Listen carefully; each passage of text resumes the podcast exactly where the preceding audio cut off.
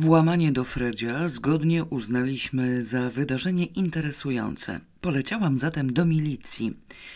Informacje o zamkniętej już sprawie uzyskałam bez trudu. Zdaniem władzy nie było to nic ciekawego. Włamywacze, Dojda i Ząbek ani przez jedną chwilę po złamaniu nie usiłowali się wypierać, wyznali prawdę od razu. Jak się okazało, służyli sprawiedliwości. Jeden taki poprosił ich o tę przysługę, bo podlec z willi ukradł mu parę rzeczy. Nic cennego wprawdzie, ale za to pamiątki.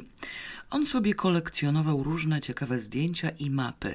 Hobby ma takie geograficzne, a tamten łobuz był u niego i rąbnął. Wartości obiektywnej to nie ma. Do milicji nawet dzwonić nie warto. Niemniej jednak ulubione przedmioty chciałby odzyskać, więc po prostu trzeba je odkraść. Sam nie potrafi. Dojda i ząbek niech się włamią. Łobuza akurat nie ma. Dom pusty. Niech broń Boże nie biorą niczego cennego. Nic w ogóle dla siebie. Niech wygarną tylko wszystkie mapy i wszystkie fotografie, na których są mapy. On już sobie wybierze, co jego, a resztę łobuzowi szlachetnie zwróci. Owszem, za przysługę zapłacił. Dojda i Ząbek zlecenie wykonali uczciwie. Przeszukali cały dom. Możliwe, że trochę bałaganu zostawili, ale do sprzątania nikt ich nie angażował. Co tam geograficznego znaleźli, to wzięli i przynieśli właścicielowi, więc właściwie dokonali czynu przyzwoitego i sprawiedliwego, a zleceniodawcy nie znają. Widzieli go dwa razy. Raz jak zlecał, a drugi jak odbierał towar i płacił za usługę. Jak wygląda naprawdę nie wiedzą, bo kudłaty był gorzej niż małpa. Wiadomo, że wszystko sztuczne, ale co ich obchodzi? Peruka, wąsy, broda, jak machabeusz wyglądał, brwi miał dolepione i do tego na nosie plaster, taki z opatrunkiem. Nie poznają go za skarby świata. Poszkodowany przyznał, że istotnie zginęło mu trochę starych szpargałów, bezwartościowych zupełnie. I na dobrą sprawę największą szkodę stanowi zepsuty zamek. Zaprzeczył, jakoby kiedykolwiek komuś coś kradł. Ząbek miał za sobą dość bogatą karierę, głównie w różnych kioskach, gdzie troska o sprawiedliwość nie wchodziła w rachubę, więc jako recydywista dostał trzy lata. Dojda natomiast dał występ pierwszy raz. Jego dotychczasowa przeszłość była nieskalana. Wyszedł z tego zatem w zawieszeniu. Zawieszenie było długie, cztery lata. Jeszcze mu się chyba nie skończyło. Ale słusznie nie poszedł siedzieć, bo chyba nie miał przestępczych inklinacji. Przerażony był śmiertelnie i w ogóle wyjechał z Warszawy. Odseparował się od towarzystwa, do którego ząbek usiłował go przylepić. Oryginalny pseudonim pochodził od określenia niedojda, którym to mianem długo był obdarzany przez grono przyjaciół, aż wreszcie postanowił się wykazać. Zaprzysiągł zuchwałe czyny i wówczas stwierdzono, że już nie jest niedojda. Nie niedojda, zatem dojda. I tak mu zostało. Zainteresowali mnie obaj. Ząbek nazywał się naprawdę Marian Rysiak, a dojda Leonard Wiśniewski. Przepisałam sobie adresy. Z ząbka zrezygnowałam od razu, bo otoczony był towarzystwem, z którym nie znalazłam wspólnego języka. Żulia straszliwa, gorzałą zionąca. Pod adresem dojdy zastałam mamusię i siostrę. Mamusia kamiennie milczała, a siostra poinformowała mnie, że dojda wyjechał. Domyśliłam się, że odgrodził się od ząbka przestrzenią. Zrobiłam dobre wrażenie i uzyskałam ściślejsze dane. Zakotwiczył się gdzieś w okolicy Bolesławca i dorwał jakąś robotę przy lesie. Gdzie dokładnie? Siostra nie wie. Od Alicji przyszła wiadomość o ordynansie. Nazywał się Benon Gobola i mieszkał w Wałbrzychu przy ulicy Wrocławskiej. Było to 30 lat temu więc możliwe, że obecnie mieszka zupełnie gdzie indziej. Umrzeć nie musiał, bo wtedy był młody i zdrowy. Teraz jest w sile wieku i ma prawo cieszyć się pełnią życia. Nawet do emerytury jeszcze nie dorósł. Podróż na ziemię zachodnie miałam już jak w banku. W Wałbrzychu po Benonie Goboli nie było najmniejszego śladu. Mamy dwie drogi, powiedziałam w zadumie do Maćka, gapiąc się na nowiutką mieszkaniówkę, wyrosłą na miejscu, gdzie Gobola mieszkał przed 30 laty. Jedna to iść do władz dzielnicy i udawać, że pisze historię rozwoju Wałbrzycha. Upatrzyłam sobie jako przykład akurat ten dom. A druga to popytać zwyczajnie w ADM-ie, w biurze meldunkowym i na milicji. Nie wiem co gorsze. Ja bym zaczął od ciecia, powiedział Maciek. Poza tym wszędzie trzeba powiedzieć, po co go szukamy. Masz jakiś pomysł? Jasne. Chcę, żeby mi powiedział cokolwiek o mojej krewnej, zaginionej pod koniec wojny. Szukam jej śladów już od dawna i właśnie dowiedziałam się, że Gobola ją znał. Możliwe nawet, że wie, gdzie została pochowana. Na diabła ci ta krewna. Dzieci się o nią upominają, siedzą za granicą, chcą postawić pomnik na grobie. Krewna i pomnik na grobie przypadły Maćkowi do gustu. Podzieliliśmy rolę, żeby nie tracić czasu. Zmarnowaliśmy olbrzymią ilość sił i zdrowia i w rezultacie jedyną instytucją, na którą można liczyć, okazała się milicja. Dzielnicowy w komisariacie był wprawdzie młody i o Benonie Goboli w życiu nie słyszał, ale podsunął mi poprzednika swego poprzednika, który parę lat temu przeszedł na emeryturę i zamieszkał na wsi, gdzie odziedziczył dom i grunta po teściach. Obecnie hoduje króliki. Nie jest to daleko, ledwie 40 kilometrów. Możliwe, że opłaci mi się tam pojechać, bo był to zawsze człowiek dociekliwy. Opłaciło się. Dociekliwy były dzielnicowy przypomniał sobie Gobole. Znał go, owszem, ale niezbyt blisko. Tyle wie, że pracował w hucie szkła i może by go wcale nie zapamiętał, gdyby nie donos. Przeszło dziesięć lat temu przyszedł jeden z donosem, że do tego Goboli cudzoziemcy przyjeżdżają z RFN i pewnie to jakiś szpieg. Donos sprawdzono. Okazał się bezpodstawny i sprawa upadła, ale dzielnicowemu utkwiła w pamięci. Donosiciel nazywał się Trudziak. Zaraz, jak mu było? Czesław, Czesław Trudziak. Nie wiem, czy taki donosiciel nie okazałby się dla nas lepszy niż sam Gobola, zauważył Maciek w powrotnej drodze do miasta. Plotki to rzecz bezcenna. Czesław Trudziak, odparłam z powątpiewaniem. Ilość osób do szukania zaczyna nam rosnąć. Dojdzie do tego, że spędzimy w tym Wałbrzychu całą resztę życia. Trudziak wbrew obawom znalazł się z nieprzyzwoitą łatwością. Wystarczyło zajrzeć do książki telefonicznej. Dał się ocenić na pierwszy rzut oka jako zwyczajny, nudzący się śmiertelnie wścibski nadgorliwiec. Opowieść o zaginionej krewnej musiałam mocno rozbudować, co nie nastręczało mi szczególnych trudności. Maciek słuchał pilnie i kiwał głową. Donosiciel, poczuwszy się usatysfakcjonowany, sam przystąpił do zwierzeń. Mieszkał przedtem akurat naprzeciwko Goboli i wszystko widział. Co i raz to przyjeżdżał jeden taki z niemiecką rejestracją i z Gobolą gadali całymi godzinami, tak jakoś tajemniczo i konspiracyjnie. Przyjeżdżał także jakiś drugi i ten drugi Gobole śledził. Gobola jechał gdzieś na rowerze, a on za nim samochodem. Za narożnikami się czaił, czekał aż Gobola skręci. A raz jeden taki dostał od Goboli jakieś papiery i wyniósł pod kubrakiem. Oni razem pracowali. Z całego tego gadania odnieśliśmy jedną korzyść, mianowicie nazwisko owego współpracownika wynoszącego pod kubrakiem papiery. Niejaki Grypel razem pracowali. Kadry w hucie przeszły bezboleśnie. Z samym Gryplem było znacznie gorzej. Po trzech godzinach pogawędki przestał wreszcie udawać idiotę. Nabrał do nas zaufania i zaczął rozmawiać jak człowiek. Z krewnej zrezygnowałam. Od początku było widać, że się tu nie przyda. Byłam zmuszona wyznać coś zbliżonego do prawdy.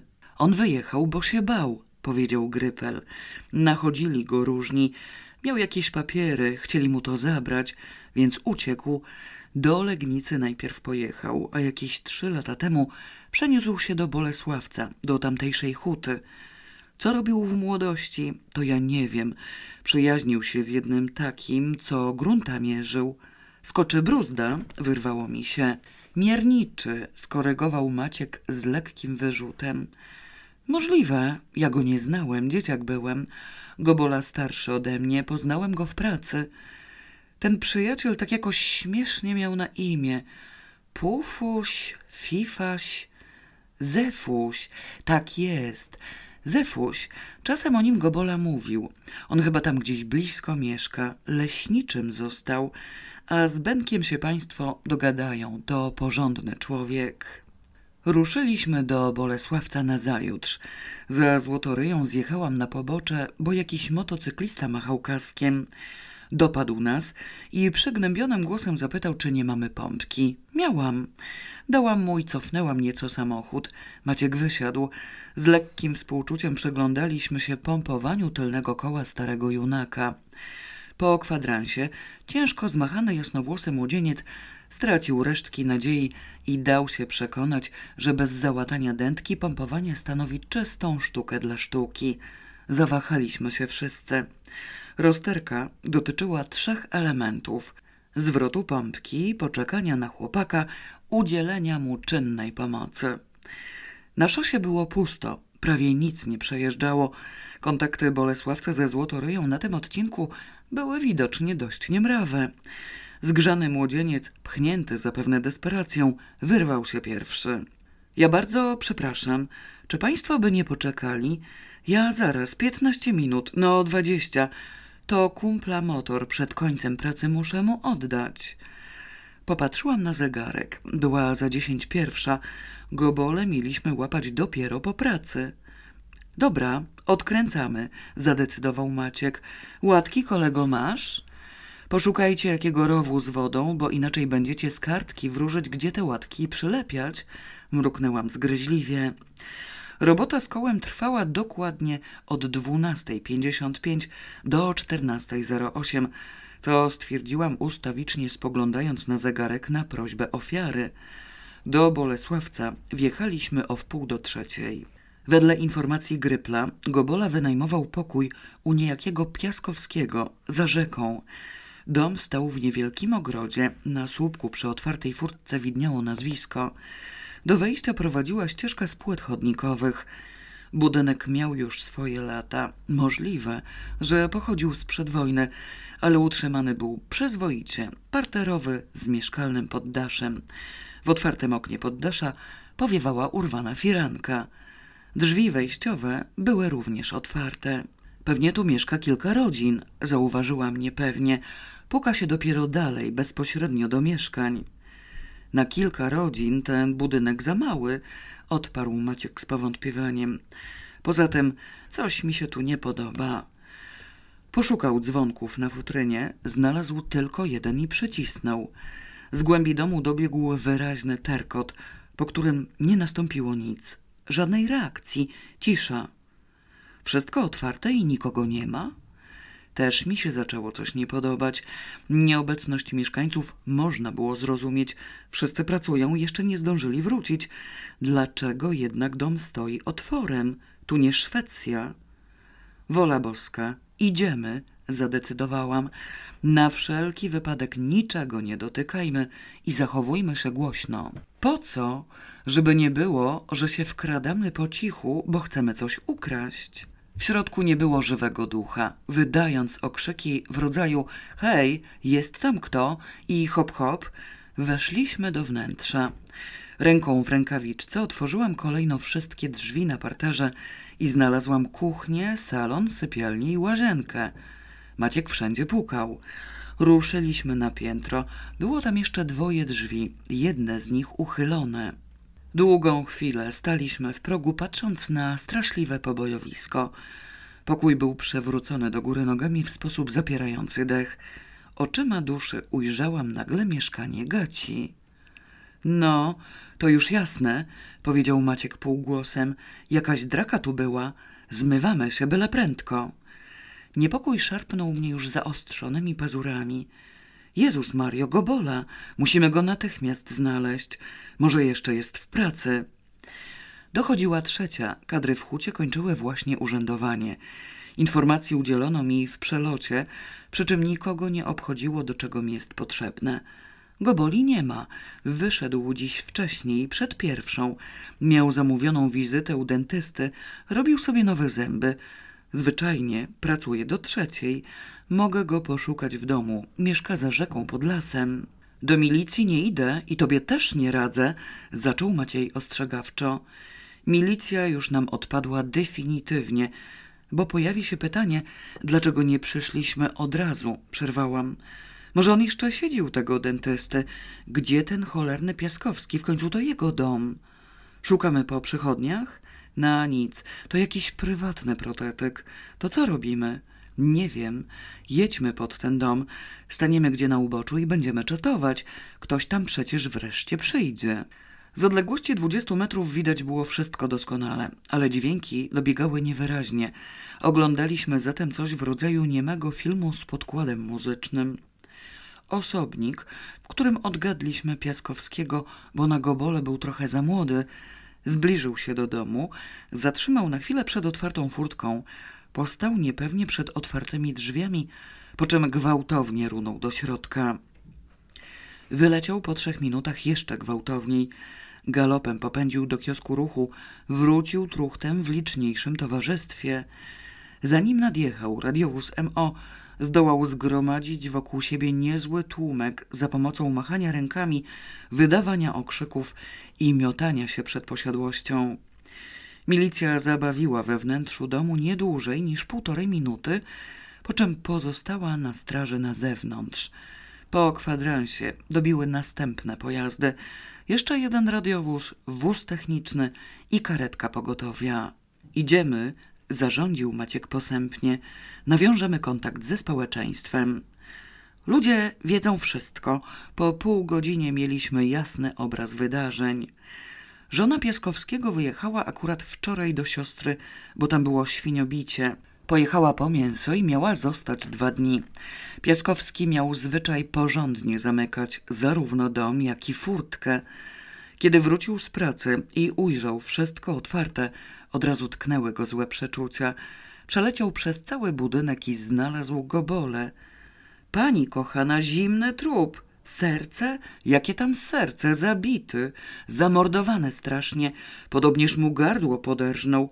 Wcale nie gardło, głowę. Rozbił mu głowę całkiem na drobne kawałki. Któżby jak nie złodziej? Dom okradziony. Właśnie, że nie okradziony nie zdążył. Gobola wcześniej wrócił. Patrz pani, przeznaczone mu było. Zwłoki Goboli leżały w pokoju na poddaszu, jedyny, do którego nie zajrzeliśmy.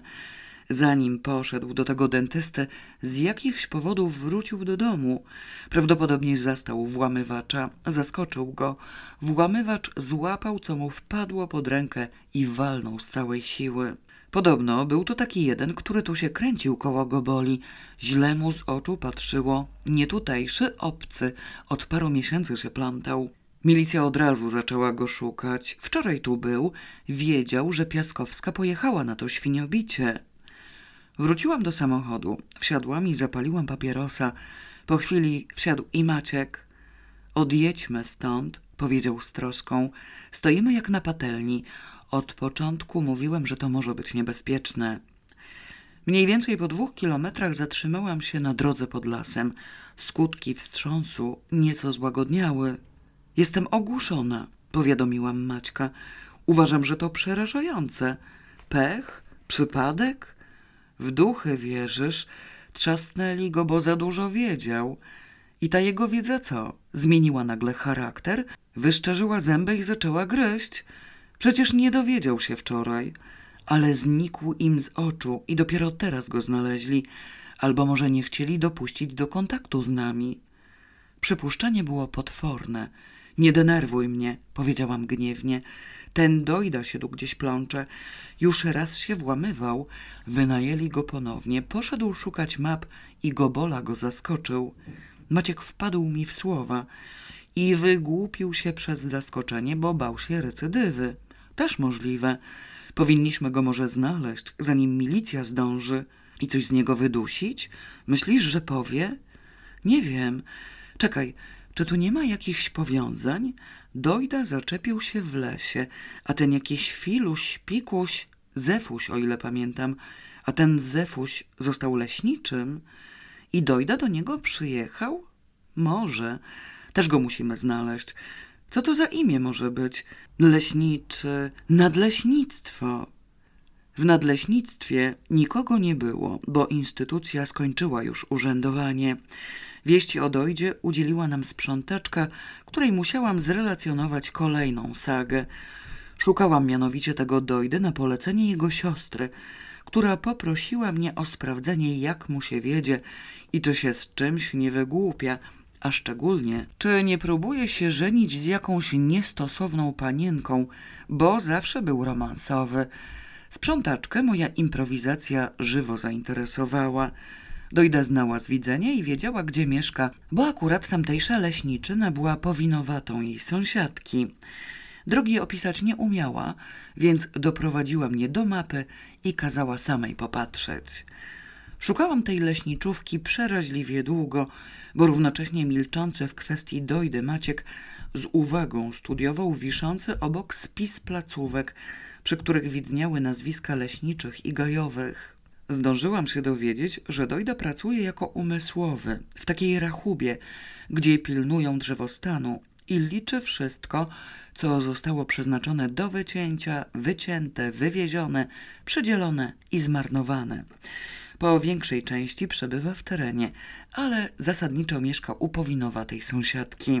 Maciek łepnął na mnie okiem i kiwnął głową. Oderwałam się zatem od dróg, ścieżek i sprzątaczki. Po imionach patrzyłem, oznajmił wsiadając do samochodu. Pomyślałem, że albo na Z, albo takie, co ma w środku F. Był jeden Zygmunt, jeden Stefan, jeden Bonifacy i najlepsze ze wszystkiego, jeden Zefiryn. Zefiryn, Zefiryn, Zefuś pasuje. Mam nadzieję, że zapamiętałeś nazwisko i adres. Zefiryn Mentalski zarządzał leśniczówką najbardziej oddaloną, gdzieś w dzikiej puszczy na krańcach rejonu.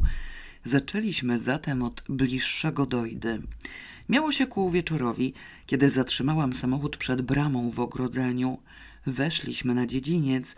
Na ganku leśniczówki z przejęciem konferowały trzy osoby różnej płci.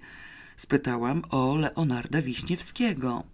O Boże, powiedziała grubsza z dwóch dam i załamała ręce. Ale państwo trafili, wykrzyknęła grobowo chudsza. Zrobiło mi się niedobrze i straciłam mowę. Maciek też się stropił, ale widocznie mniej, bo głos z siebie wydobył. A co? spytał niespokojnie. Coś się stało? A państwo co do niego mają? Zainteresował się przedstawiciel płci przeciwnej. Znacie go? Maciek wystąpił z przemówieniem o zatroskanej siostrze. Nie szło mu najlepiej, bo zajęty Zefusiem nie słuchał mojej pogawędki ze sprzątaczką dostatecznie uważnie. Musiałam się włączyć. Przerwano mi w połowie. Sensacja pchała się na usta. Pani, do dzisiaj bym złego słowa nie powiedziała. Taki porządny chłopak. Dobry, nie pijus, pracowity, zaczęła grubsza. I kto by pomyślał, w głowie się nie mieści. Po dość długiej chwili udało nam się zrozumieć, że Dojda nie umarł. Jest żywy i zdrowy, tylko zabrała go milicja. Przed chwilą prawie, dopiero co. Ledwo zdążył wrócić do domu, bo dwa dni go przedtem nie było. Ledwo zdążył coś do gęby wziąć, przyjechali i zabrali jak jakiego złoczyńcę. Jeszcze rewizję w jego pokoju robili i szopę przekotłowali, gdzie motor trzyma. Wszystkich pytali, gdzie dzisiaj był, ale właśnie nigdzie go nie było, bo dopiero co wrócił. Niemożliwe, żeby taki porządny chłopak co złego zrobił. Musi to być chyba jakaś pomyłka. Przyświadczyliśmy skwapliwie, że pomyłka jest niewątpliwa i zostaliśmy przyjęci do towarzystwa. Atmosfera sprzyjała rozpatrywaniu charakteru i trybu życia niewinnie skrzywdzonej ofiary. Dowiedzieliśmy się, że Dojda często bywał nieobecny przez całą dobę albo i dwie. Jeździł bowiem po całym rejonie i tam nocował, gdzie go wieczór zastał. Pracował porządnie, prawie nie pił, chuliganów żadnych nie sprowadzał, a nawet jak go kto chciał na lepszy ubaw namówić, to uciekał. Niedawno właśnie tak było. Ledwo dojda z terenu wrócił i do swojego pokoju poszedł.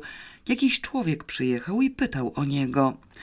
Leśniczyna pokazała drogę. Człowiek wszedł na górę, ale zaraz zszedł na dół i powiada, że nikogo nie ma, pokój zamknięty. A sama przed chwilą widziała, jak Dojda wchodził do siebie, więc poszła osobiście się przekonać. I fakt, nie było go. Ten człowiek trochę poczekał, pokręcił się, w końcu odjechał, a Dojda pokazał się dopiero na drugi dzień rano.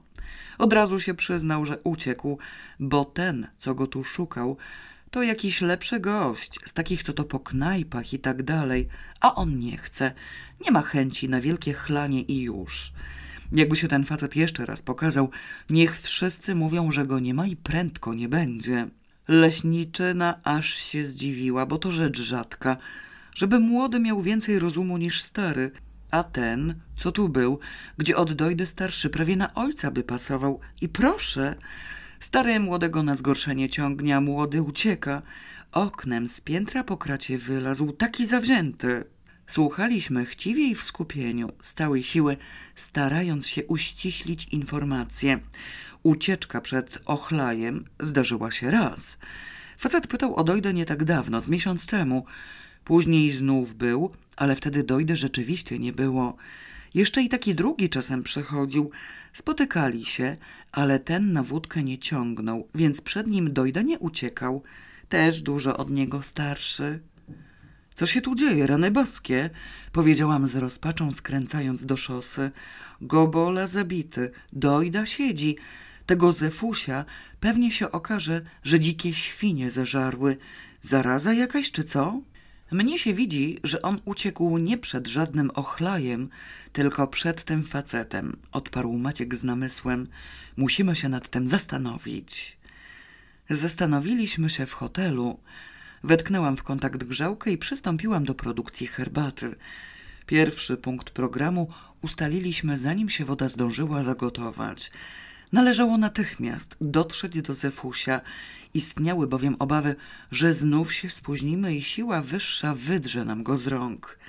Owe dzikie mateczniki, w których się osiedlił, trzeba zacząć penetrować od rana, żeby trafić tam przy dniu białym, a nie broń Boże po nocy. Należało także uzgodnić zeznania, tak na wszelki wypadek. Mnie się myli, gdzie siostra, a gdzie twoja krewna, wyznał Maciek ze skruchą. Chociaż z drugiej strony to twoja krewna, nie moja, więc chyba mogę czegoś nie wiedzieć. Teraz bym jej chętnie zmieniła płeć, westchnęłam. Istniała w rodzinie osoba, która autentycznie zaginęła pod koniec wojny, ale to był krewny, nie krewna. Chociaż nie, nie miał dzieci, pomnik na grobie odpada. Krewna znaczy zostaje. Zostaje. Zapamiętaj sobie, to łatwe. Krewna należy do Goboli, a dojda do siostry. I też nie musisz za dużo wiedzieć, bo to ja z nią rozmawiałam, a nie ty. Dobra, to teraz ustalmy, co nam wychodzi i co robimy. O kolejności naszych dalszych działań zadecydowała milicja. Starszy sierżant MO znalazł nas w restauracji hotelowej, kiedy kończyliśmy śniadanie. Elegancko przeprosił, spytał o pozwolenie i usiadł przy stoliku i zaczął pytać. Państwo może z Warszawy? Przeświadczyliśmy. A dawno państwo przyjechali? Przyznaliśmy się, że wczoraj. Wczoraj? A o jakiej porze? Dokładnie o 14.30. Odparłam samodzielnie. A skąd? Znaczy, gdzie państwo przedtem byli? Zaczęłam się zastanawiać, o co mu może chodzić. Od początku byłam pewna, że o Gobole i ten otwarty dom Piaskowskiego musiał nas tam ktoś widzieć. Teraz nabrałam wątpliwości. Jakąś dziwnie okrężną drogą zmierzał do celu. Byliśmy w Wałbrzychu i przyjechaliśmy przez Złotoryję, powiedział Maciek. Przez Złotoryję, ucieszył się sierżant. Piękna trasa. Żadnych przeszkód państwo nie mieli? Owszem, mieliśmy, powiedziałam zgryźliwie, jeden objazd i jednego półgłówka. Co proszę, słucham. Półgłówka na motorze, uzupełnił Maciek. Jak ktoś się upiera pompować dziurawą dętkę, to co on jest? Einstein? Sierżanta Półgłówek zaciekawił wprost niebotycznie. Opisaliśmy ze szczegółami całe wydarzenie, podając dokładny czas oraz rysopis młodzieńca. Słuchał z szaloną uwagą. Państwo zeznają to do protokołu? Oczywiście, dlaczego nie? Możemy nawet zaraz, zaproponowałam. Mam interes w waszej komendzie. Załatwię go przy okazji i będzie z głowy. Jaki interes? A, tam taki drobiazg. To co, jedziemy? Pojechaliśmy. Złożyliśmy zeznania oddzielnie, ponownie opisując wysiłki chłopaka z junakiem. Zaczęłam przypuszczać, że może go ukradł. Kwestii dojdy na razie jeszcze nie poruszałam. Czekałam cierpliwie, aż skończą jedno śledztwo. Dziwiło mnie tylko trochę, że w obliczu zbrodni zawracają sobie głowę takimi drdymałami. Podpisałam protokół i zostałam zaproszona do sąsiedniego pokoju. Siedziało tam pod ścianą trzech młodych ludzi, wśród nich zaś blada i zrozpaczona ofiara z szosy. Na mój widok smętne oblicze ofiary zmieniło wyraz i zapłonęło radosnym blaskiem, co z miejsca kazało mi zwątpić w kradzież. O, to jest ten z szosy, powiedziałam nie czekając na pytania, po czym powtórzyłam informację w bardziej oficjalnej formie. Sądzę, że on mnie też poznaje. O słodki Jezu, powiedział pobożnie rozpromieniony młodzieniec. Operację powtórzono z Maćkiem, który również nie miał żadnych zaników pamięci. Uznałam, że wystarczy tej zabawy w zgaduj zgadule. No dobrze, proszę panów, zwróciłam się do kierującego imprezą porucznika. Wszystko pięknie, ale o co tu chodzi? Pogrążyliśmy tę podejrzaną niedojdę, czy przeciwnie? Co on zrobił? No nic właśnie, odparł bez najmniejszego oporu porucznik. Państwo też nie mogą być podejrzani, bo tak się składa, że nasz pracownik przejeżdżał i widział przelotnie te ćwiczenia na szosie. Samochód, motor i trzy osoby. Żadna z tych osób nie mogła być sprawcą. Czego sprawcą? Porucznik najwidoczniej zapomniał, że w tej instytucji pytanie zadaje tylko jedna strona, albo może spragniony był jakiejś odmiany, bo odpowiedział bez wahania. Zabójstwa. Mamy tu zabójstwo. I ten Wiśniewski sam się podłożył. Jaki wi? A, on się nazywa Wiśniewski. Wiśniewski Leonard. Ale nie ma siły. Spędził na tej szosie cały czas przyjęty przez lekarza. Więcej pani nie powiem, śledztwo się dopiero zaczyna. Więcej usłyszeć nie musiałam. Przestałam mieć do niego jakiekolwiek interesy. Przyszło mi jednak do głowy, że konszachtę z dojdą mogą obudzić podejrzenia na nowo. Poprosiłam o chwilę rozmowy i poinformowałam go o zatroskanej siostrze, w którą już sama zaczynałam granitowo wierzyć.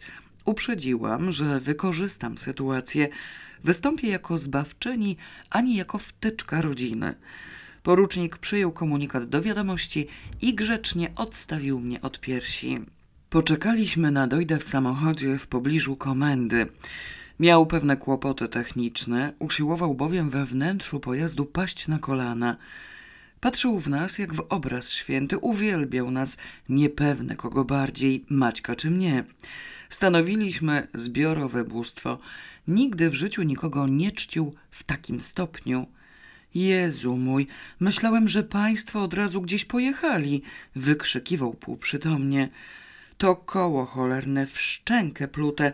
Z godzinę tam stałem jak śnięta ryba. Mnie się dopiero jutro kończy zawieszenie. O mój Boże, ty Boże, recydywa. I jeszcze trup. Wiemy, powiedziałam sucho ruszając. Dojda nie słuchał. Nie wierzyli mi za Chiny ludowe. Dla świętego spokoju ten gliniarz poszedł pytać, czy nie ma obcych z Warszawy, bo tyle wiedział, że rejestracja warszawska i nic więcej. Przez radio szukać, ale gdzie tam? Dla takiego jak ja? Recydywa? Przypasowali mnie jak sztuczną szczękę do milionera. Jak Boga kocham, myślałem, że po mnie. Raz w życiu się wygłupiłem. Na zawieszeniu jestem już cztery lata. Do jutra. Wiemy, powiedziałam ponownie, bardziej dobitnie. Dojdę nagle zamilkł. Co? Wiemy, że jesteś na zawieszeniu, synu. Wiemy, co to było za włamanie poprzednio. Mnóstwo o tobie wiemy. I dziękuj Bogu, że na nas trafiłeś na tej szosie. Dojda jakoś sklęsły w sobie na tylnym siedzeniu. O rany Boga żywego! wyszeptał ze zgrozą. Zaniepokoił, weźmie nas za kogoś z szajki i w panice będzie usiłował wyskoczyć. Docisnęłam nieco, żeby go zniechęcić. Nie pękaj, bracie, wszystko jest w porządku, powiedział uspokajająco Maciek. Jesteśmy po tej samej stronie. Myśmy tobie pomogli, a teraz ty nam pomożesz. Kurwa, powiedział Dojda cicho i posępnie. Przypuszczenie, że się włamał i zabił Gobole upadło. Przed tajemniczym facetem uciekł. Sytuacja zaczęła mi się rozjaśniać. Przestań mieszać osoby, rozkazałam surowo. Jestem pewna, że rozpoznałeś tego kudłatego, który wam nadał tamtą robotę na siekierkach. Nawiałeś przed nim, a nie przed ząbkiem. Zobaczyłeś go tutaj i też zacząłeś nawiewać. Jeszcze z tydzień, a pewnie byś się opatrzył w Bieszczadach. Zgadza się? Dojda zaczerpnął tchu, jakby przez dłuższą chwilę coś mu w tym przeszkadzało. Skąd? Skąd ja to wiem, tak? Myślę, wyobraź sobie, parę osób się tą całą sprawą interesuje i nie uwierzysz, ale nie wszystko swołocze. Osobiście uważam, że jesteś przyzwoity facet, a nie żadna świnia i nie zaprzesz się, żeby nie pomóc. Z góry cię tylko ostrzegam, że żadnej nagrody nie będzie ani dla ciebie, ani dla nas, ani dla nikogo. Jeżeli pomożesz, to bezinteresownie. Dojda nagle jakby odżył.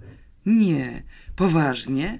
Jak na pogrzebie, narażamy się za nic, społeczna praca. O nich ja skonam, jak pani tak mówi, to może i faktycznie.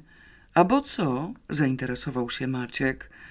A bo cholera, to jest coś, jak obiecują góry złota, to już wiadomo, że śmierdzi. Bezinteresownie to tylko takie społeczne głupki. Znaczy się tego, ja bardzo przepraszam.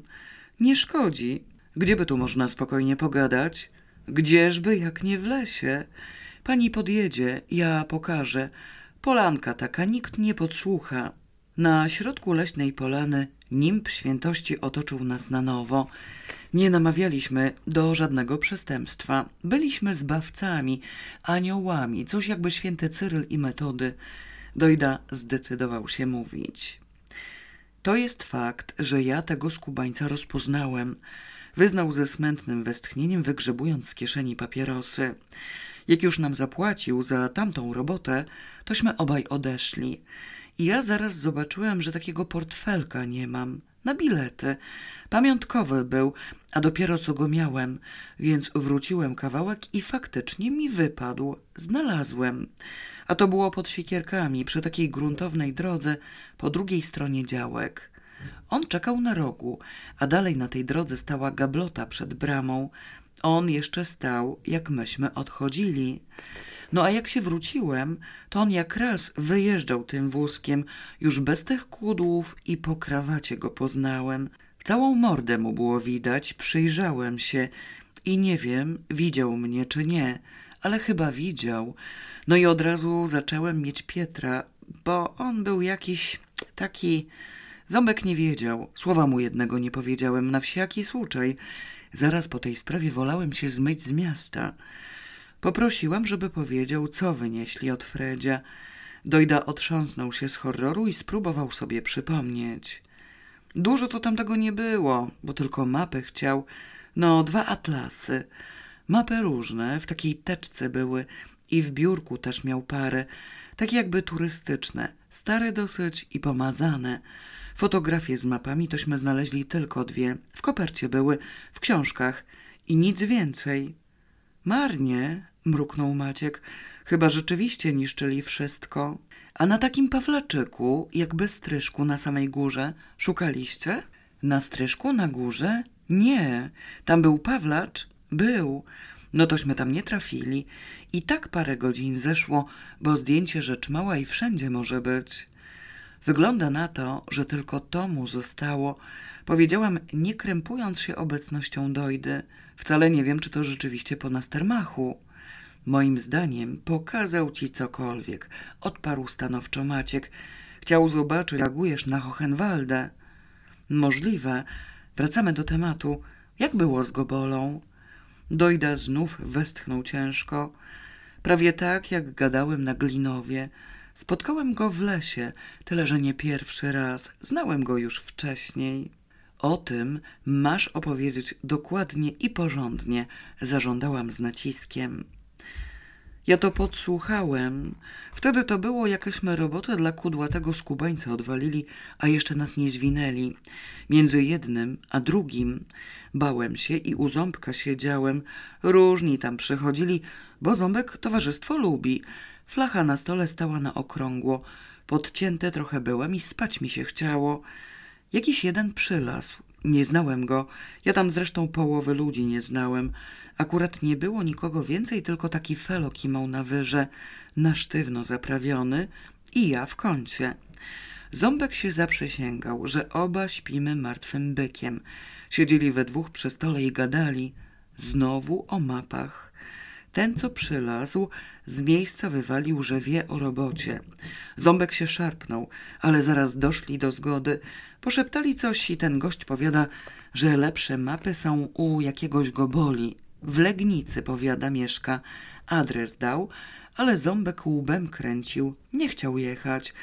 Obca ziemia, powiada. On woli w Warszawie. Więc ten Flimon chciał, żeby mu dał kogo na Legnicę i ząbek obiecał dać. Nic mnie to wcale nie obchodziło, więc tak sobie kimałem. Tamten spłynął, nie wiem kiedy, i potem słyszałem, że ząbek jednego namawiał. Loczek na niego mówili. Chyba się ten loczek zgodził i miał jeszcze kogo dorwać, ale tego to już nie wiem na pewno.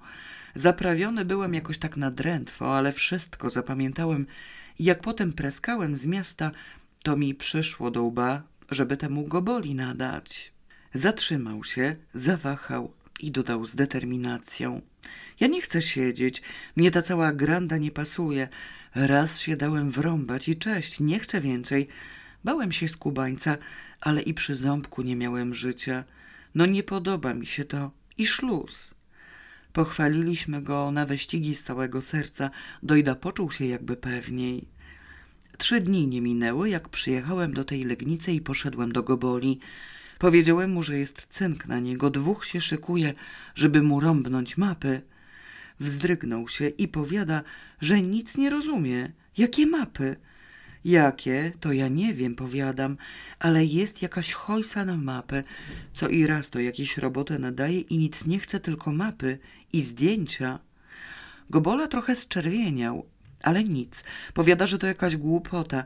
On nic nie rozumie, ale nie szkodzi. Bardzo mi dziękuję za ostrzeżenie. Zmyłem się z miejsca. Wcale mu nie powiedziałem, jak się nazywam, ani nic. No i następny raz spotkałem go tu w lesie, w dwa lata później. Zaczęliśmy gadać. Zawahał się, wydłubał sobie nowego papierosa, zapalił i pogapił się w las. Podjął decyzję. Dobra, to już powiem. Rozciekawiłem się trochę, co to za mapy. I tak mi przyszło do łba, że może tam jakie skarby naznaczone albo co. Zahaczyłem go o to. Powiedział, że głupi jestem i żebym to sobie ze łba wybił.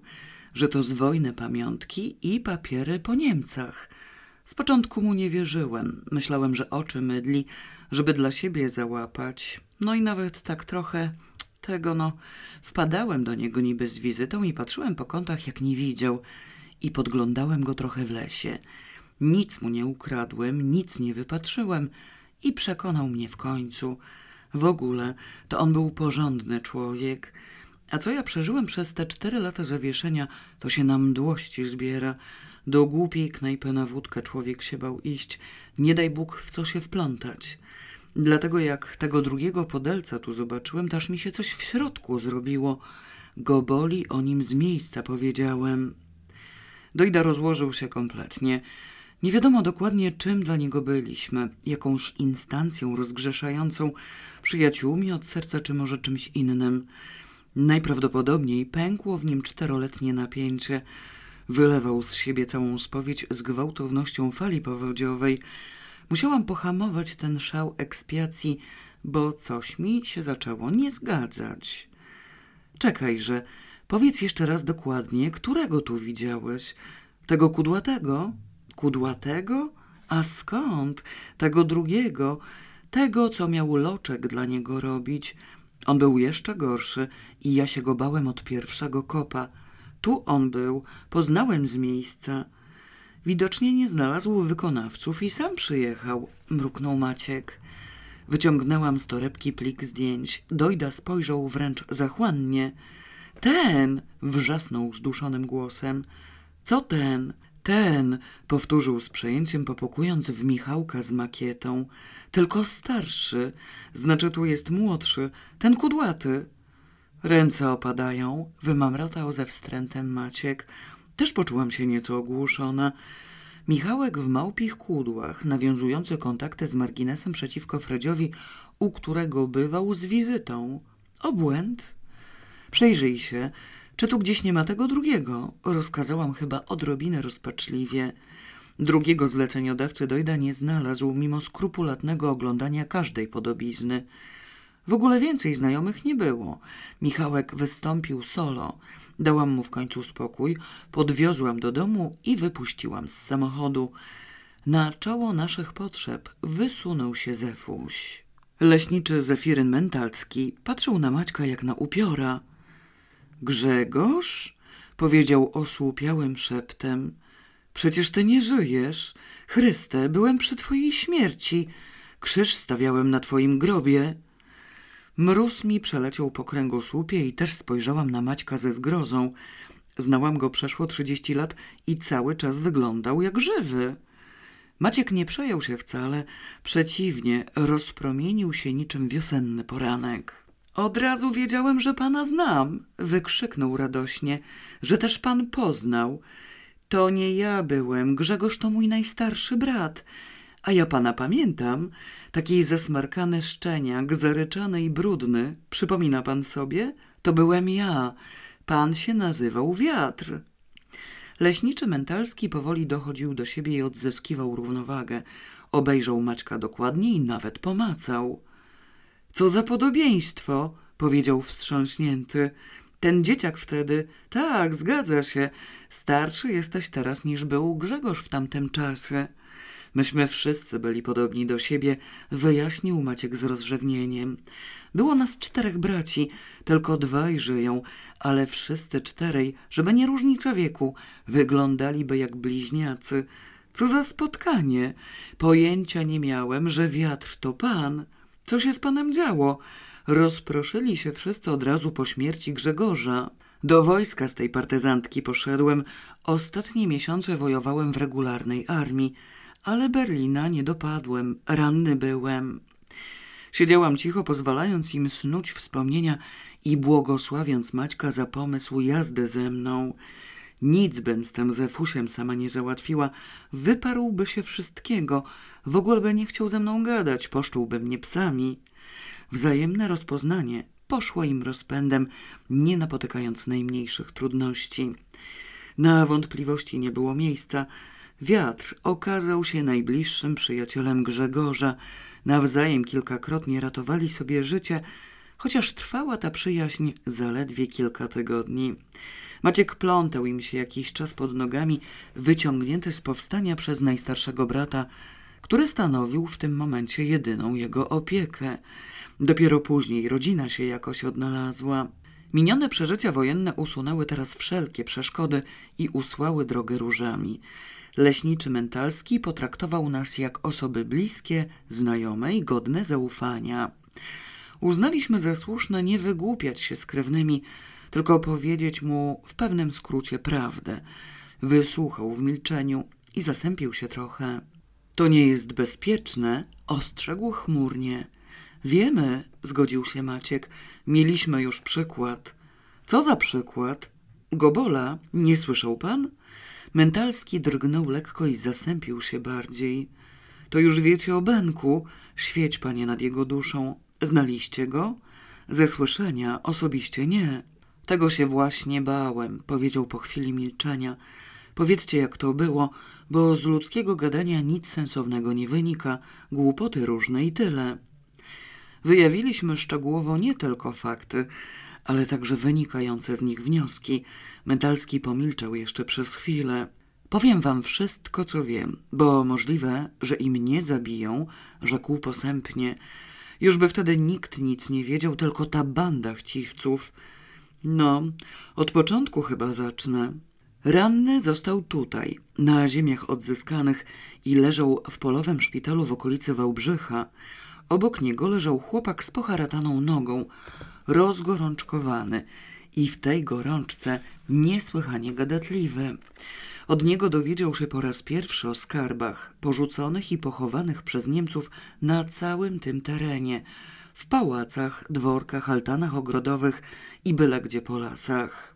Na własne oczy chłopak widział z myśliwskiej ambony, jak jeden szkop bez dystynkcji, ale jego zdaniem co najmniej generał, zagrzebał pod drzewem jakieś rzeczy. Oglądał się na wszystkie strony, coś sobie zapisywał. Na piechotę był i brudny, i polazł dalej, tak jakoś wyglądając, jakby się zamierzał oddać do niewoli. Chłopak był tu na robotach, już wcześniej się zorientował, że tu dużo bogactwa zostanie. Ranili go, jak uciekał, ale uciekł natychmiast, kiedy zagrzmiał zbliżający się front. Czekał na ten front jak na zbawienie ukryte właśnie na owej myśliwskiej ambonie. Zanim go tu, w tym lazarecie położyli, podejrzał i podsłuchał, jak jeden kwatermistrz, nasz, z naszego wojska, szeptał coś z jeńcem. Mapę mieli Jeniec go na coś namawiał. Mówił, że pokaże pod warunkiem, że wyjdzie z tego interesu żywy i zdrowy, a kwatermistrz tę mapę zachowa. Chłopak był pewien, iż na tej mapie zaznaczono miejsca ukrycia po niemieckich skarbów. Mentalski młody był wtedy i głupi. Całe życie niedostatek cierpiał i skarby go żywo zainteresowały. Dowiedział się od rozgadanego chłopaka, z jakiej jednostki był ten kwatermistrz. Po wojnie zdemobilizowali go w pierwszej kolejności. Został już tutaj, na tych ziemiach odzyskanych i zaczął się wywiadywać od kwatermistrza. Doszedł w końcu, że on nie żyje. Zginął pod Berlinem, a przyjaciel jeden rzeczy jego przechował i oddał później rodzinie. Z Warszawy pochodził, a w Warszawie wiadomo co było, więc Mentalski tej rodziny parę lat szukał. W końcu znalazł jednego – Kuzyn to był, czy brat, zmarnowany całkiem, chory i nie do życia i Mentalski od niego te mapy odkupił. Gobole poznał też jakoś w tym czasie. Zaprzyjaźnili się i Gobola powiedział mu o swoim pułkowniku i o Hohenwalde. Później, jak ta przyjaźń się wzmocniła, wyznał, że takich wiadomości jest więcej i że nie oni jedni się tym interesują. Jeszcze za jenieckich czasów, jak odgruzowywał Warszawę, czepiały się go różne osoby, dziewczyna jedna i taki gówniarz. Dziewczyna owszem, nawet miała prawo, ale gówniarz nie, a przywarł do niego jak pijawka. I Gobola, jak kto głupi, o Hohenwalde mu powiedział. Ale wydawało mu się, że on jest tak jakby z tą dziewczyną. Więcej mu już nic nie wyjawił, chociaż wiedział dużo, bo wtedy kiedy jechał z transportem i bomba trafiła w samochód pana pułkownika, nie sam jechał, tylko w konwoju. Cztery wozy szły i wszystkie szlak trafił. Trzy należały do jednego szkopskiego zaopatrzeniowca, a było to bydle pazerne i nie do uwierzenia chciwe. Też go tam szczęśliwie diabli wzięli. Gobola papiery po nim pozbierał. Okazało się, że były to głównie mapy sztabowe, a na nich pozaznaczane gdzie co miał tyle rabował, że nie nadążał do Niemiec wysyłać, więc chował gdzie popadło, z tą myślą, że po wojnie to sobie zabierze.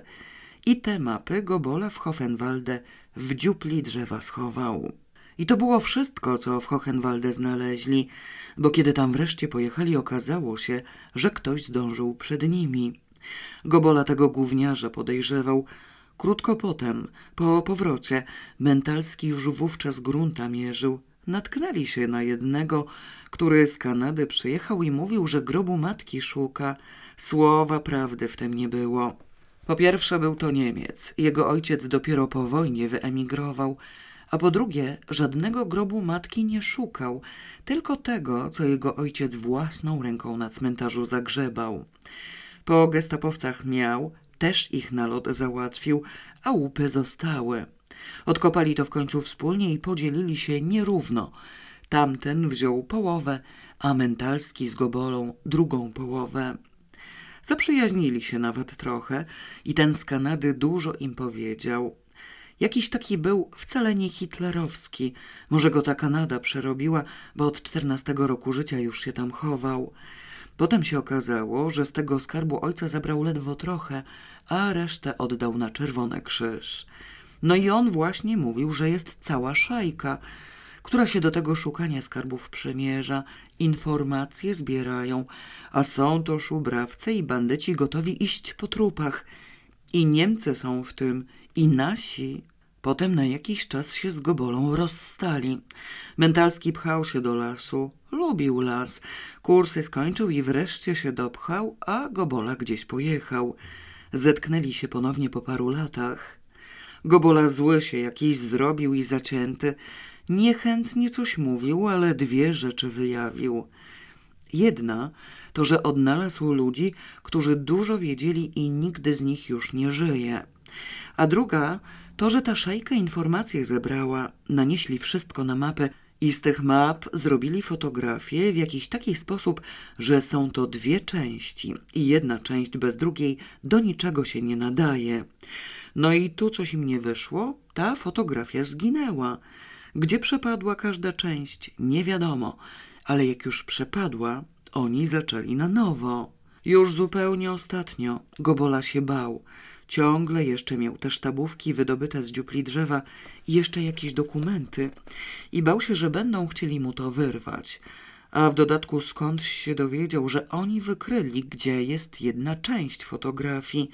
Podobno może ją mieć jakaś facetka. Zdrętwiałam dokładnie i dzięki temu nawet nie drgnęłam. Maciek okiem nie mrugnął. Siedział jak własny pomnik. Mentalski, cały czas wpatrzony w leśny plener za oknem, Popatrzył teraz na nas i zastanowił się, wytężając pamięć.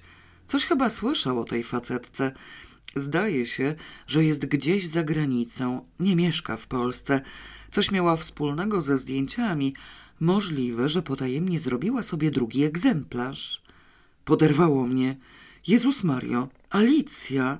Gorszej informacji nie mogłam usłyszeć. Na krótką chwilę wpadłam w histeryczny popłoch – Chryste Panie, co ja mam zrobić? W prasie ogłosić, że ona nic nie ma? Zesłabłam od wstrząsu i opadłam z powrotem na krzesło. Maciek i Mentalski przyglądali mi się z niepokojem. Ponurym głosem powiadomiłam ich, że ta facetka kompletnie nic nie ma. Ona może nie mieć, ale oni to o tym nie wiedzą, zauważył Maciek z troską. Mogą jej coś zrobić, ostrzegł leśniczy. Coś by trzeba. Tyle to i ja sama wiedziałam. Niewątpliwie coś trzeba. Tylko co? Zadzwonię do niej z ostrzeżeniem, ale co dalej? Goryla zaangażować? Złego psa? Nagle przypomniałam sobie, że Alicja wybiera się właśnie na Grenlandię i doznałam nikłej ulgi. Na Grenlandię chyba za nią nie pojadą. Poza tym nie dziś im przecież zaświtał ten kretyński pomysł, a jakoś do tej pory jest spokój. Może przyczepią się do niej dopiero po odzyskaniu drugiej połowy. Jak one wyglądały, te dwie części? Nie wie pan? spytałam słabo. Zdaje się, że z jednej zrobili taką małą odbitkę, odparł Mentalski z namysłem. Film zniszczyli. A co z drugą? To nie wiem. Ten Kanadyjczyk by chyba wiedział. On się tam jakoś wkręcił do nich. Parę razy jeszcze przyjeżdżał. Benek mówił, że to porządny człowiek. Nie chciał tego dla siebie. Uważał, że to powinno zostać w Polsce. Czy to był sen kuśnierza? Zainteresował się Maciek. Chyba tak, tak. Coś słyszałem, że jego ojciec był kuśnierzem. Zażądałam rozszerzenia zakresu informacji o ludziach. Kto to był, te swałocze z mieszanej szajki? Nie wiem, powiedział Mentalski z lekkim zakłopotaniem. Benek nie chciał mówić, a ja się bardzo nie dopytywałem. Tyle wiem, że ich szef, czy co on tam jest, coś ma nie w porządku. Czegoś mu chyba brakuje. Oka albo nogi. Ręki, podsunął Maciek. Może i ręki. Nazwiska nie znam, ale możliwe, że Benek miał to zapisane w swoich papierach. Tych, co mu ukradli, Mentalski pokręcił głową. Nic mu nie ukradli. Już dwa lata będzie, jak nie trzymał tego w domu. Tylko gdzie? Mentalski westchnął i wyznał, że w lesie, w jakiejś dziupli. Gobola sam to chował i nie chciał powiedzieć gdzie. Przekazał mi tylko, żebym się nie ważył ściąć żadnego drzewa z dziuplą, dopóki go dokładnie nie obejrzę. Stąd zgaduję, że w dziupli nie może być daleko, bo jak poszedł chować, nie było go wszystkiego pół godziny, czyli najwyżej kwadrans drogi stąd. Zerwałam się i przewróciłam krzesło, domagając się natychmiastowej penetracji lasu. Myśl o Alicji dźgała mnie już nie szydłem, a zgoła widłami. Jej znajomości wypełniłyby całą książkę telefoniczną. Diabli wiedzą, kto tam się koło niej pęta. Poszukać tych nazwisk. Już! Maciek mnie poparł. Mentalski podniósł się z za stołu. W tym momencie nadjechała milicja. Po raz pierwszy w życiu z całej siły zapragnęłam uciec przed władzą ludową. Możliwe, iż dokonałabym próby, gdyby nie to, że samochód MO zatrzymał się tuż przed maską mojego, a kierowca milicyjny pozostał w środku. Ucieczka tyłem mogła trochę źle wypaść, przy manewrach zaś złapano by mnie, nawet gdybym usiłowała ich wszystkich przejechać. O papierach Goboli ani słowa, wysyczałam straszliwie. Co robimy? spytał półgębkiem Maciek. Dalej ciotka z nagrobkiem? Podjęłam decyzję błyskawicznie.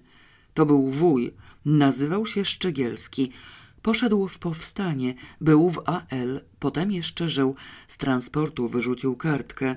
Do tego miejsca prawda.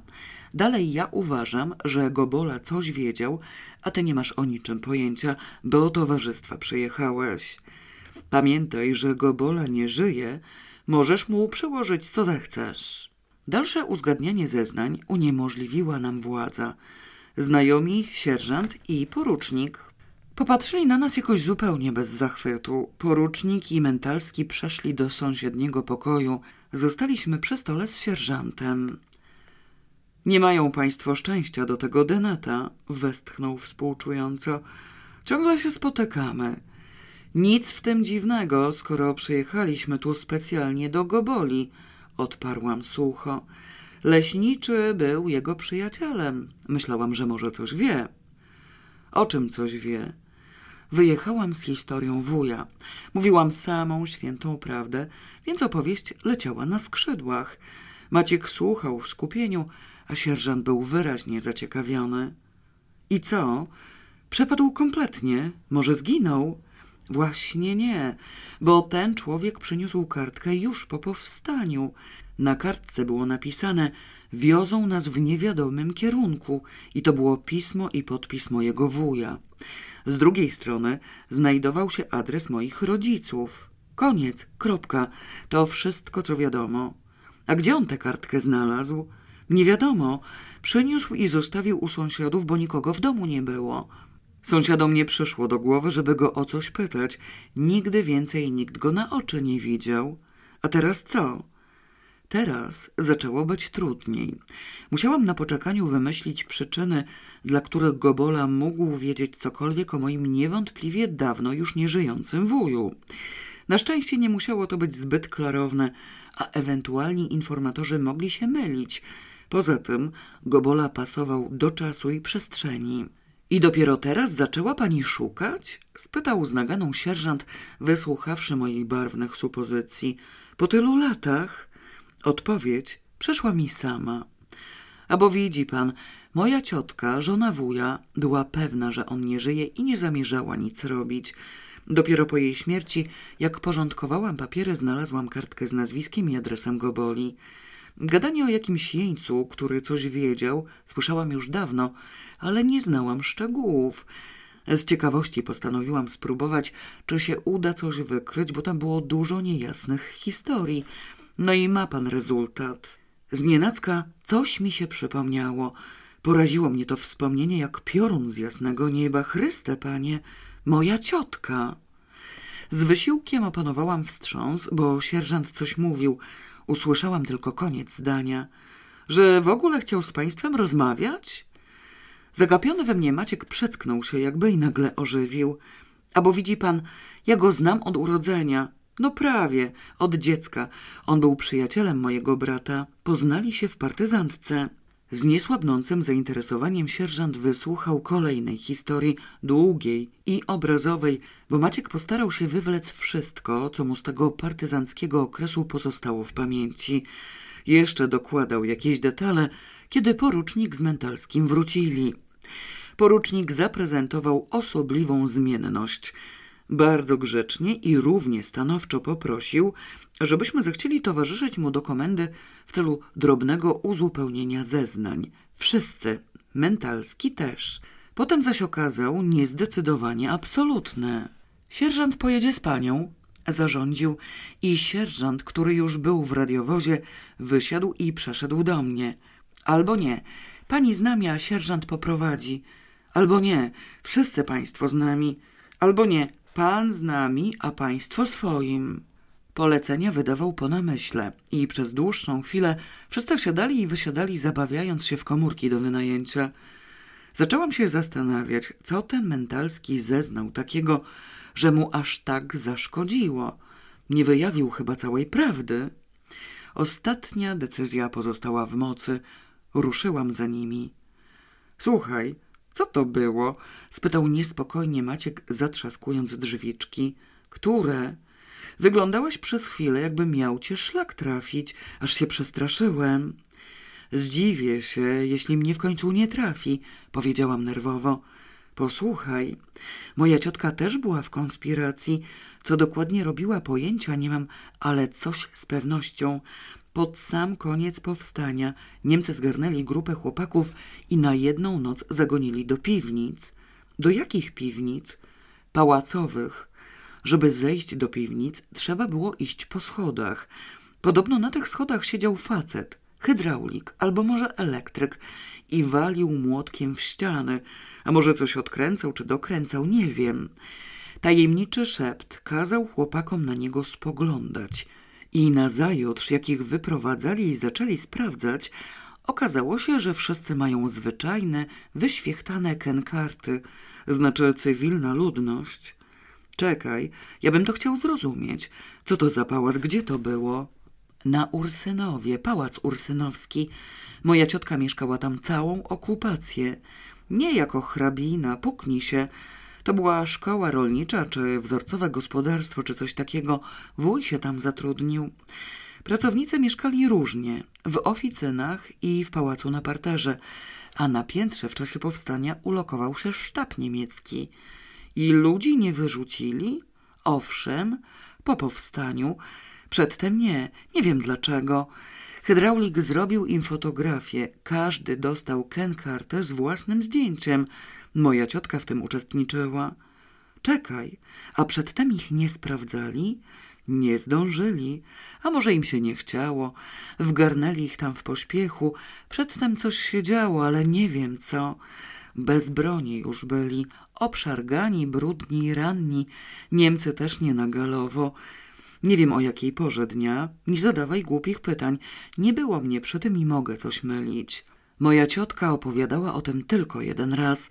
W rezultacie jakoś tak wyszło, że to nie żołnierze ujęci z bronią w ręku, tylko zwyczajna ludność wyganiana z miasta.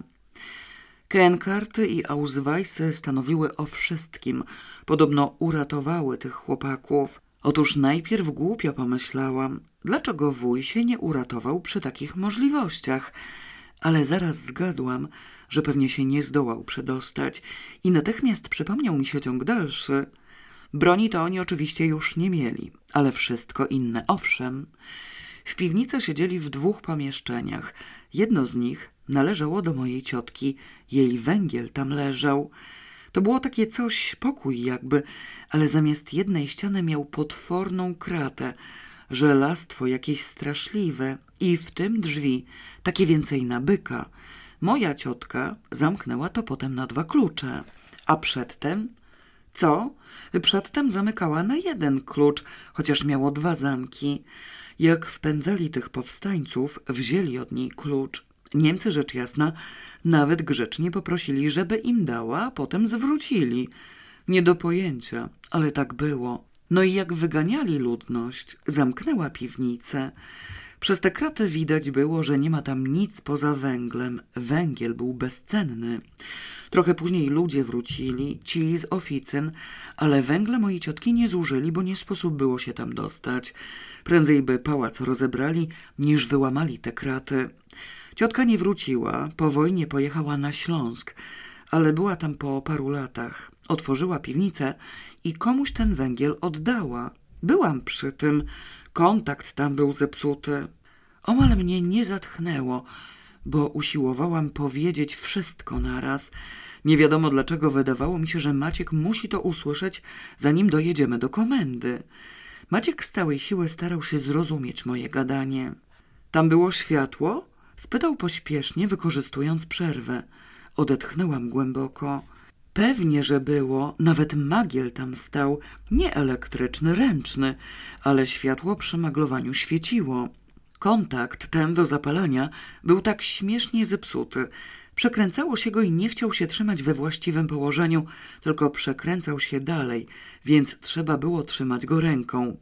Każdy zawsze schodził do piwnicy w dwie osoby, to znaczy w ostatnim czasie zepsuł się krótko przed powstaniem.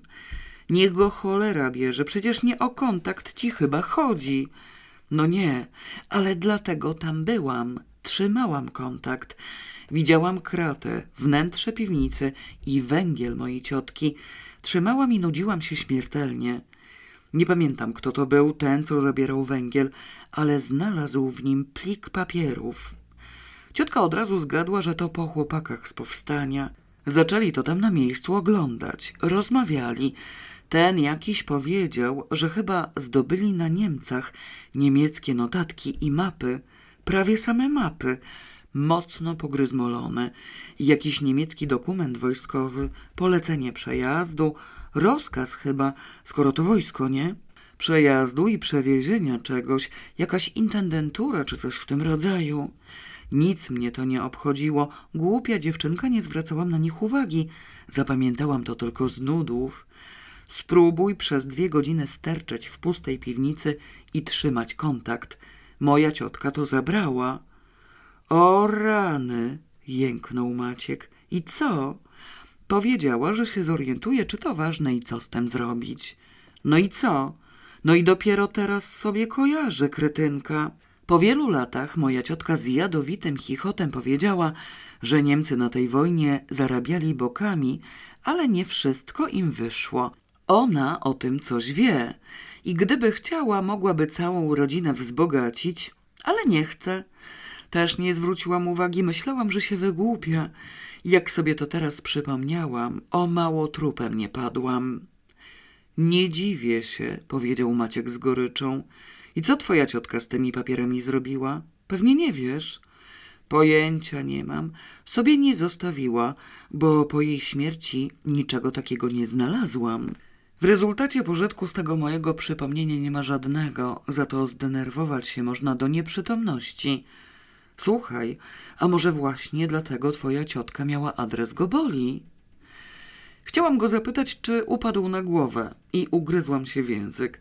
Jeżeli pomieszało mu się wszystko do tego stopnia, że całkowity brak związku mojej ciotki z Gobolą umknął jego uwadze, to nawet lepiej.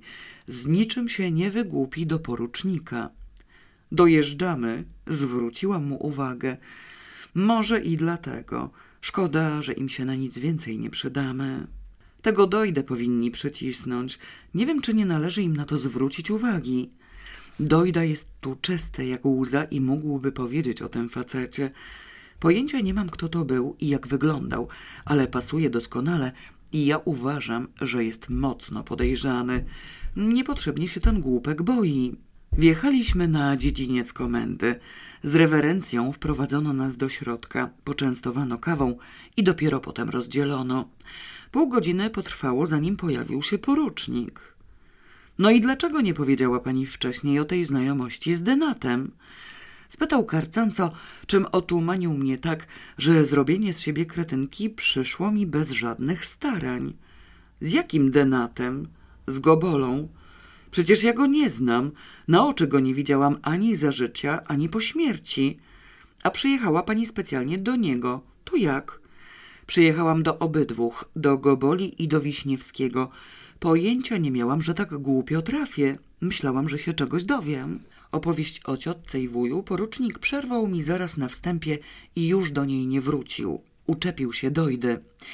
Relację o siostrze, ząbku i głębokiej skrusze delikwenta złożyłam chętnie, omijając w niej tylko niektóre szczegóły. Konieczność utrzymania go na świetlanej drodze prawa podkreślałam z takim naciskiem, że porucznik się w końcu zdenerwował. Przecież go nie zeżremy. Chce być praworządny, niech zacznie od razu. Pani sobie wyobraża, że my tu będziemy zęby wybijać? Ja sobie nic nie wyobrażam, ale on się boi. Tamten gość i tak nie będzie wiedział, powiedział o nim czy nie. Nam też zależy, żeby nie wiedział. Niech pan to powie Wiśniewskiemu. Moim zdaniem da się przekonać, tylko delikatniej, bez krzyków. Kiedy opuściłam komendę, Maciek już czekał przy samochodzie.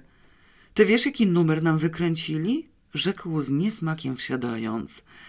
Zastanawiałam się jeszcze nad przesłuchaniem, które przebiegło podejrzenie ulgowo i rozważałam, kogo w rezultacie porucznik zamierza mocniej przycisnąć, Dojdę czy Mentalskiego. Nie byłam pewna, co bym wolała i prawie nie zwróciłam uwagi na jego słowa. No, jaki? spytałam z roztargnieniem. Podłożyli nam tu magnetofon. Nie zrozumiałam, co to znaczy. Maciek się zniecierpliwił. Tam, przed leśniczówką, jak tak latali i nie mogli się zdecydować, kto z kim jedzie. Wszyscy wsiadali wszędzie, no nie? No owszem. Wykorzystali to zamieszanie i podłożyli magnetofon. Mikrofon musieli umieścić gdzieś tutaj, pod tablicą rozdzielczą i nagrali całą rozmowę. Doskonały pomysł. Pochwaliłam, zanim zdążyłam ocenić ewentualną szkodliwość czynu. Popatrz, zaczynamy z sensem wykorzystywać technikę. Skąd to wiesz? Widziałem, jak wyjmowali. Nawet się z tym specjalnie nie kryli. A po co się mieli kryć? Liczyli na to, że się przerazisz śmiertelnie i ze strachu powiesz wszystko, albo chociaż zaplączesz się w zeznaniach. Jak wyjmowali, jeszcze nie wiedzieli, co tam jest. Czekaj, zaczynam rozumieć, dlaczego on mnie pytał prawie wyłącznie o dojdę. Półgłówka z siebie zrobiłem, bo cały czas próbowałem sobie przypomnieć, cośmy mówili. Też mnie pytali o dojdę. Co o tym myślisz? Właśnie myślę, co myśleć. Zdaje się, że sytuacja nam się trochę skomplikowała. Wkroczenie w sprawę milicji gwałtownie ukróciło nasze prywatne dochodzenie. Dotychczasowe osiągnięcia nie przedstawiały się imponująco. Udało nam się zidentyfikować nabywcę mapy od chorego człowieka, niewątpliwie był to mentalski, oraz upewnić się, iż osobnik bez lewej ręki tkwił w szajce głęboko. I na tym właściwie koniec, bo dalej nie mogliśmy zrobić nic. Papiery Goboli były nieosiągalne. Przeszukiwanie lasu z milicją nad karkiem nie miało żadnego sensu. Nawet pogawędki z mentalskim odpadały. Jakiekolwiek porozumiewanie się z nim z pewnością wydałoby się podejrzane. Ja zaś nie zamierzałam narażać się na żadne podejrzenia. Miałam już bowiem nie tylko paszport, ale także wizę i bilet na samolot do Montrealu. Coś mnie w tym jednak intryguje, powiedziałam z namysłem, zatrzymując samochód pod hotelem. Przypomniałam już sobie, mówiliśmy wyłącznie o mojej ciotce i tych papierach z węgla. Słowem jednym o to nie zahaczyli. Ciekawe dlaczego? Bo im to wisi, odparł Maciek stanowczo. Ktoś nas widział na tej szosie razem z Dojdą, więc zbrodni nam nie przyłożą. Z naszego gadania wywnioskowali, że pojęcia o tym nie mamy i w ogóle co innego nas interesuje, a oni tę resztę mają gdzieś. Ale mogłoby mieć związek. Uważam, że powinni byli zapytać chociażby z samej ciekawości. Może im się nie chciało, taśma im została, zawsze mogą do tego wrócić. Poza tym mają mentalskiego, przyjaciel ofiary. Spodziewają się wszystko z niego wydusić. Dla nas mentalski nie istnieje, co najmniej na parę tygodni. Na zmianę pokiwałam i pokręciłam głową. Akurat wyjeżdżam, więc łatwo mi będzie przeczekać. Dla mnie dobrze, że sobie niczego nie skojarzyli, ale nadal im się dziwię i wcale nie jestem spokojna. Ja ich znam, tak ulgowo to nam nie przejdzie. Ty tu zostajesz, namyśl się, co im powiesz w razie czego. No dobra, pogłówkuję. Kiedy jedziesz? Jedenastego, za czternaście dni. Specjalnie przez te wszystkie hopy? E, tam, pół roku temu nawet mi to do głowy nie przyszło. Moją matkę muszę zawieść. Przypadkiem się złożyło tak korzystnie. Spróbuję powęszyć od drugiej strony. Żebym nie zapomniała, natychmiast jak tylko wrócimy, dasz mi adres Henia.